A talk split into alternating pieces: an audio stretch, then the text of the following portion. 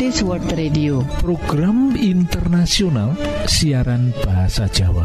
Lan kagiaraken langsung saking pulau kuat derek ing wektu sing apik iki bakal maparake tiga program yoiku siji ruang motivasi lan rumah tangga.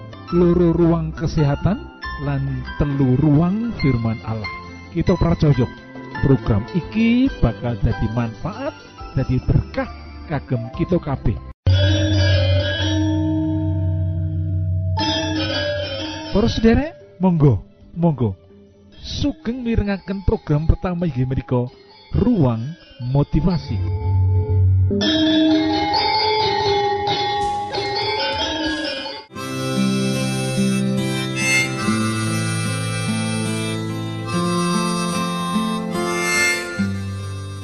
Judul motivasi kita ing wektu iki yaiku setelah menikah ono suami berubah dari kasar opo sebabnya ya bahagian kedua? Sederek saat durungi menikah wong lanang sajak sayang marang calon bojone. Sajak nersenani marang bojone lah sakwise menikah berubah. Sing lembut dadi kasar opo sebabnya Gusti Allah merintahke marang wong lanang supaya nresnani bojone utawa istrine. Lan ada dasar keterangan bab katresnan ing kitab Efesus bab 5. Ana pesen lho.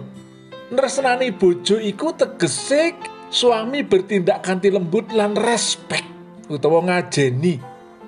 Masalahe kanthi berjalani waktu sering kali kelembutan, kemesraan, bermetamorfosis, berubah jadi kekasaran, respek berubah jadi nistolan hina. Lah iki penyebab bagian kedua kenapa pria menjadi kasar setelah menikah. Hidup dalam pengaruh lingkungan budaya tertentu. Ini penyebabnya. Jadi hidup dalam pengaruh lingkungan atau budaya tertentu koyoto. Pendapat kelembutan suami diidentifikasikan dengan kelemahan duduk kekuatan, bukan kekuatan. Lah sering suami yang tinggal dalam situasi lingkungan budaya sing kaya mengkene iki terbawa-bawa jadi kasar sama istri. Karena pendapat suami yang lembut diidentifikasikan dengan kelemahan duduk kekuatan. Lasak banjure mengutamakan kepentingan istri disamakan karo kebodohan. Ono sing ngendika kowe bodoh banget, kamu bodoh sekali. Hanya mau mengalah dan mengutamakan istrimu, kamu bodoh. Lek sak banjure pendapat katresnan atau cinta sayang marang istri dianggap sebagai takut atau suami yang takut dengan istri. Lah, pria atau keluarga yang tinggal dalam situasi budaya kaya mengkene sering kali menyebabkan suami menjadi kasar kepada istri perus sendiri. Lah akibat pandangan yang keliru kaya mengkene iki apa? Paling tidak ono papat loh bos sendiri. Yang pertama yaiku akibatnya yaiku sering jadi olok-olokan di tengah-tengah masyarakat bagi pria yang sayang sama istrinya, yang mendahulukan istrinya. Lah menikah jadi olok-olokan. Lah sak banjuri akibat tekanan sosial sing kaya mengkene iki nuwuhake atau menciptakan suami kang ora tanggap marang kebutuhan istri karena lingkungan yang seperti ini lan akibat sak banjuri yaitu cenderung pria atau suami memaksa menindas istri supaya manut supaya turut taat marang DWE lah akibat sak banjure yaitu saben tembung setiap perkataan yang diucapkan oleh suami harus diikuti oleh istri.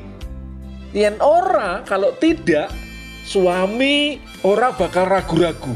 Tidak akan ragu-ragu menggunakan kekerasan supaya supaya lingkungan utawa masyarakat tidak mengejek dia sebagai pria yang lemah supaya lingkungan tidak mengejek dia sebagai pria yang takut kepada istri atau pria yang dibawa ke tiang istri. Nah mereka baru sendiri. Lah langkah-langkah sing kudu ditempuh yang kita tinggal dalam lingkungan atau budaya sing kaya mengkene iki apa langkah yang kita bisa tempuh yang pertama yaitu sebenarnya suami bisa saja lo mencegah lo.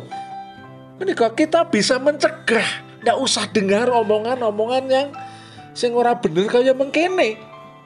Langkah-langkah saat banjuri yaitu pria bisa menghindar utawa ora perlu nanggepi pendapat-pendapat omongan-omongan sing ora tepat soko konco kancane iki lelangkah sing kaping telu sing iso diperbuat dening pria yang hidup dalam lingkungan sing kaya mengkene yaiku pria harus lebih berani mengoreksi pendapat-pendapat orang di sekitarnya lo poros derek. Dengan berani mengatakan kasunyatane yang aku tersno marang bojoku aku malah memiliki keluarga yang bahagia.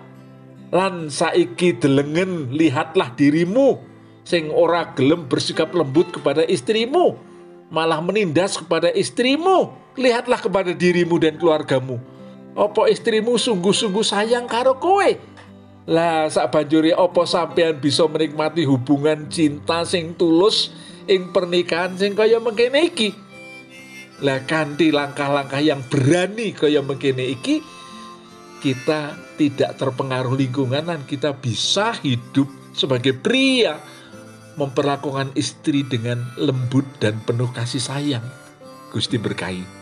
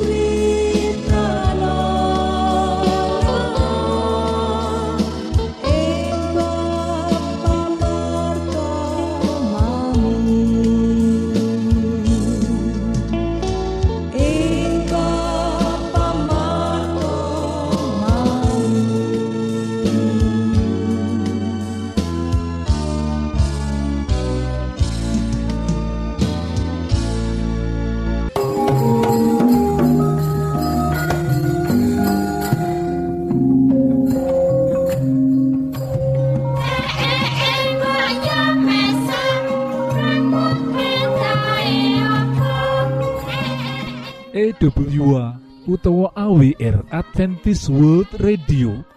Program internasional ing Boso Jowo disiharke langsung soko pulau Guam ing satengah-tengahing Samudro Pasifik. Poros derek Monggo Monggo sugeng mirengaken program kedua inggih menika ruang kesehatan. Salam sehat Gusti berkahi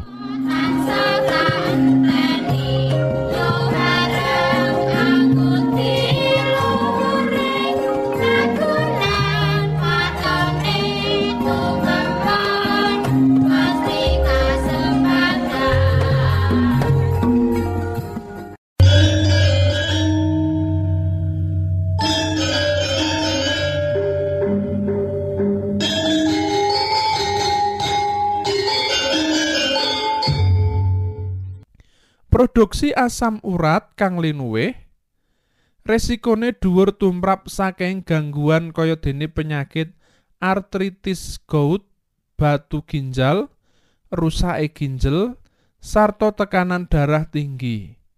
Gangguan artritis gout mujudake salah siji jinis rematik. Kurang luwih ana 150 jenis artritis. Kelainan metabolik iki akeh-akeh nyerang sendi-sendi perifer utawa tunggal. Gejala nyeri lan kaku asifat akut utawa tetaunan wiwitan dhewe nyerang sendi-sendi jempolan sikil nganti menyang driji-driji liyane. Ing tataran sabanjure bisa nganti namani ugel-ugel sikil, dengkul, sikut, sarta sendi-sendi cilik liyane ing tangan. Siksane nyeri lan abuh kasebut kerep ndadekake sing nandang loro angel mlakune. Ana kalane malah peradangan disartani demam lan ing sakitere sendi kang abuh krasa panas. Loro iki bisa dirasakake suwene 24 nganti telung puluh enam jam. Malah bisa luwih suwe maneh gumantung nemen orane peradangane. Nanging serangan gawat utawa akut artritis gout ora mesti kudu ing kahanan asam urat dhuwur. Munggah mudune kadar asam urat kang saja ora ajeg uga bisa ndadekake serangan akut. Upamane sawijining pawongan kelawan kadar asam urat normal bisa ketaman serangan akut sawetara jam sawise mangan soto jeruan sapi sak mangkok. Sebabe soto iku nyebabake kadar asam urat munggah dadaan. Kosok baline sawijining pawongan kelawan kadar asam urat dhuwur bisa oleh serangan akut yen kenemenen anggone nindakake diet utawa minum obat penurun asam urat.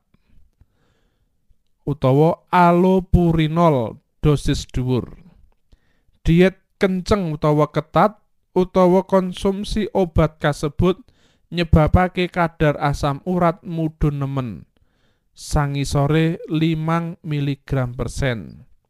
Sing paling trep kadar asam urat ora didunake kanthi gratis. Nanging kudu lon-lonan. Pratelane dokter Saisilia R. Padang PhD Fax R. Konsultan rematologi saka Pusat Rematik Indonesia Jakarta. Sawise serangan sepisan welinge Saisilia. Becike kadar asam urat tansah diawat-awati yen nganti antuk serangan kapindo serangan-serangan akut sak banjure bakal saya kerep muncul malah kedawa-dawa lan ora mari-mari. Kejaba saka panganan, alkohol, klebu tape lan tuak, sarta obat-obatan tartamtu, kaya dene obat kang asifat diuretik, penurun tekanan darah tinggi, utawa ngundakake produksi banyu seni lan mineral, utawa dosis cilik aspirin ing jangka waktu suwe kanggo nyegah serangan jantung, uga bisa ngundhakake kadar asam urat. Pancen lelorone macem obat kasebut kerep ndadekake sebab marang pasien kang sajak duweni gout. Ewa semono bab iku arang dumadi tumrap pawongan kang ora duwe bakat gout. Tandese Saesilia kang gayuh gelar dokter ing Australia iki. Niki. Nasihat sing tapi Mekaten. Kesehatan iku larang regane sing perlu dijogo. Kesehatan iku modal kita kanggo gayuh sakabehing cita-cita. Berolahraga saben dina cukup istirahat 6 nganti 8 jam sedina. Ngombe banyu putih 8 gelas saben dina. Mangano sing bergizi. Hindarkan minuman keras lan ojo ngrokok. Kesehatan iku modal kita kanggo gayuh sakabehing cita-cita. Angkatlah dan bunyikanlah Isa mau datang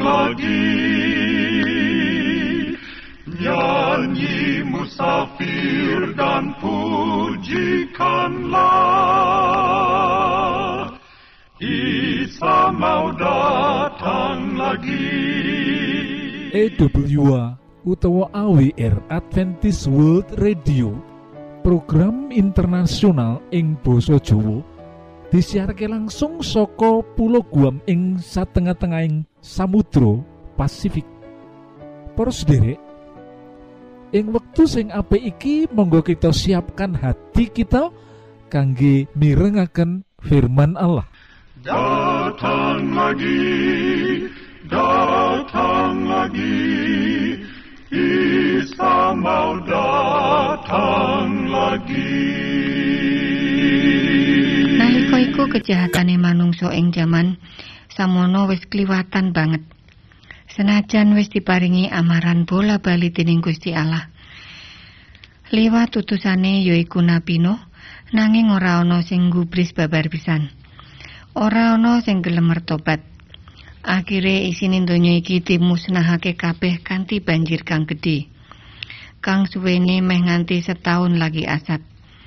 Sebab hutan deres kang dikirim Gusti Allah iku suwene patang puluh dino patang puluh bengi.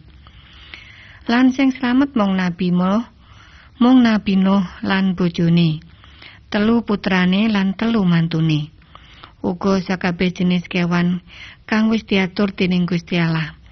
Sebab padha mlebu dhewe-dhewe ing prau gedhe kaya kang didhawuhake dening Gusti Allah. Nah, adik-adik kang manis, wis wit kelingan ceritane. Saiki arep ibu terusake meneh ya. Dadi wektu iku sing slamet bisa diitung nganggo driji, yaiku mung wong wolu. Sakwise banjir surut, wong-wong mau padha repot ngedegake omah, uga papan kan kang becik kanggo ngumpul. Kanggo ndedonga ngaturake pamuji lan ngluhurake Gusti Allah. Lan ing kono Nuh anak putune diberkahi dening Gusti Allah. Lan dadi keluarga kang gedhe. Anak-anake Nuh tambah akeh. Semono uga putune. Kala-kala katon pelangi utawa kluwung ing langit. Endah banget warna-warnane. Yen nyawang pelangi utawa kluwung iku padha eling marang janjine Gusti Allah.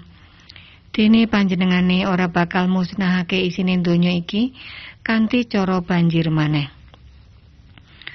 Putu-putune Nuh mau sayang banget karo eyang kakunge. Yen ana wektu padha ngumpul lan matur marang eyang kakunge supaya diceritani bab air bah utawa banjir mau. Banjir gedhe kang nate dialami eyange lan wong tuane. Lan kenapa kok Gusti Allah nganti kudu ngirim banjir kang gedhe kaya iku? Banjur Nuh ceritakake akeh bab marang putu-putune mau lan bab katresnane lan kuasaning Gusti Allah. Nuh isih urip 350 taun maneh sakwise banjir gedhe iku. Lan piyambake sedo ing umur 950 taun. Wah, dawa ya umure Nuh iku ya. Pancen adik-adik, sebab wong jaman biyen uripe isih tentrem.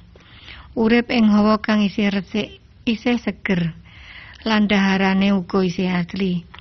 sayur-sayuran lan buah-buahan, uga biji-bijian.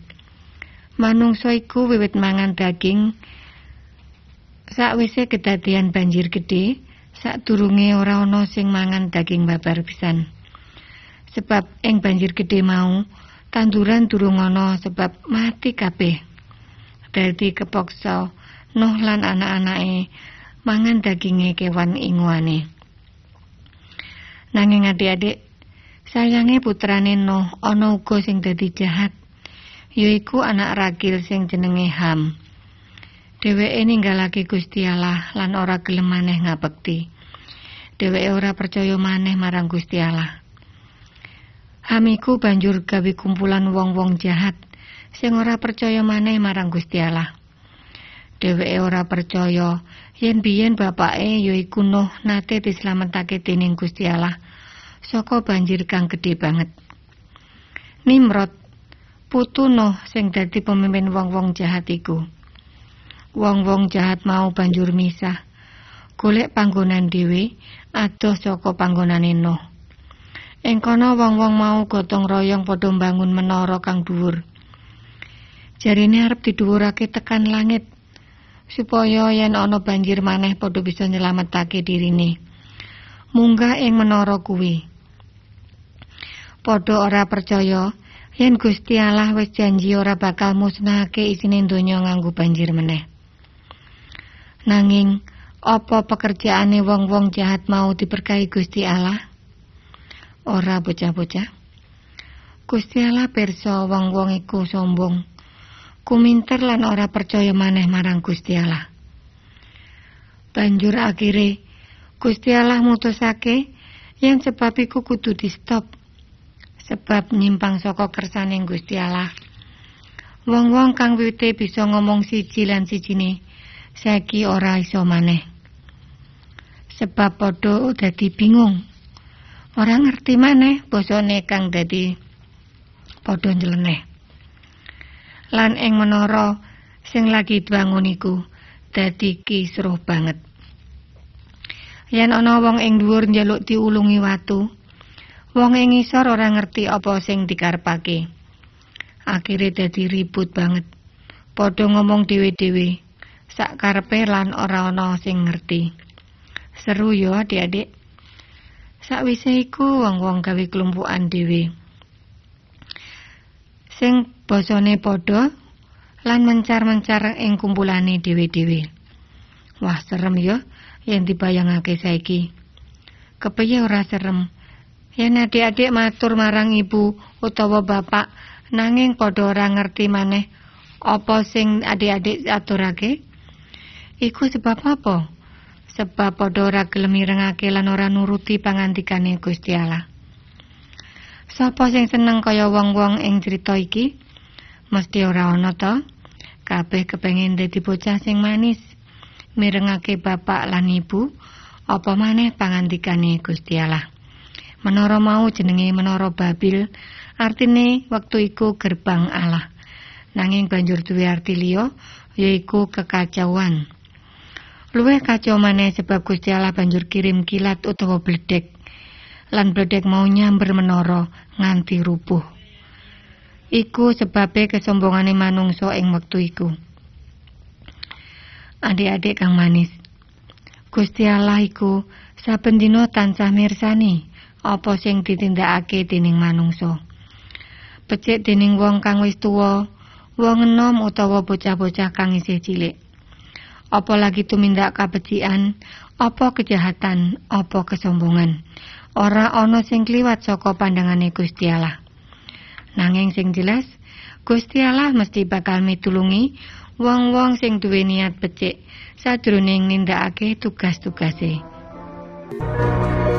Para sutresna ingkang kinasih, kula aturaken mbanuwun sanget dene sampun nyuwun kawigatosan panjenengan sedaya.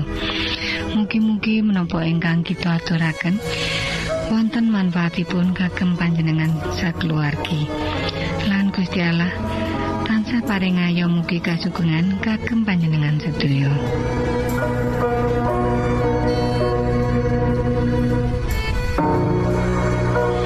Kita ingkang tugas jagi wonten studio nyungun pamit badhe mundur. Pilih wonten pitaken-pitaken utawi unjuking atur masukan-masukan lan menawi panjenengan gadah kepengingan ingkang lebet badhe sinau bab pangantikaning Gusti. Lumantar kursus Alkitab tertulis Monggo. 3 Advent suara pengharapan PO Box wolu enol songo enol Jakarta setunggal kali wolu setunggal enol Indonesia panjenengan saged mlebet jejaring sosial Kawulo inggih menika Facebook pendengar radio Advent suara pengharapan utawi radio Advent suara pengharapan. Saran-saran pitaken ugi tanggapan panjenengan tansah kawulo tenggo. Lan saking studio kula ngaturaken bumi panuwun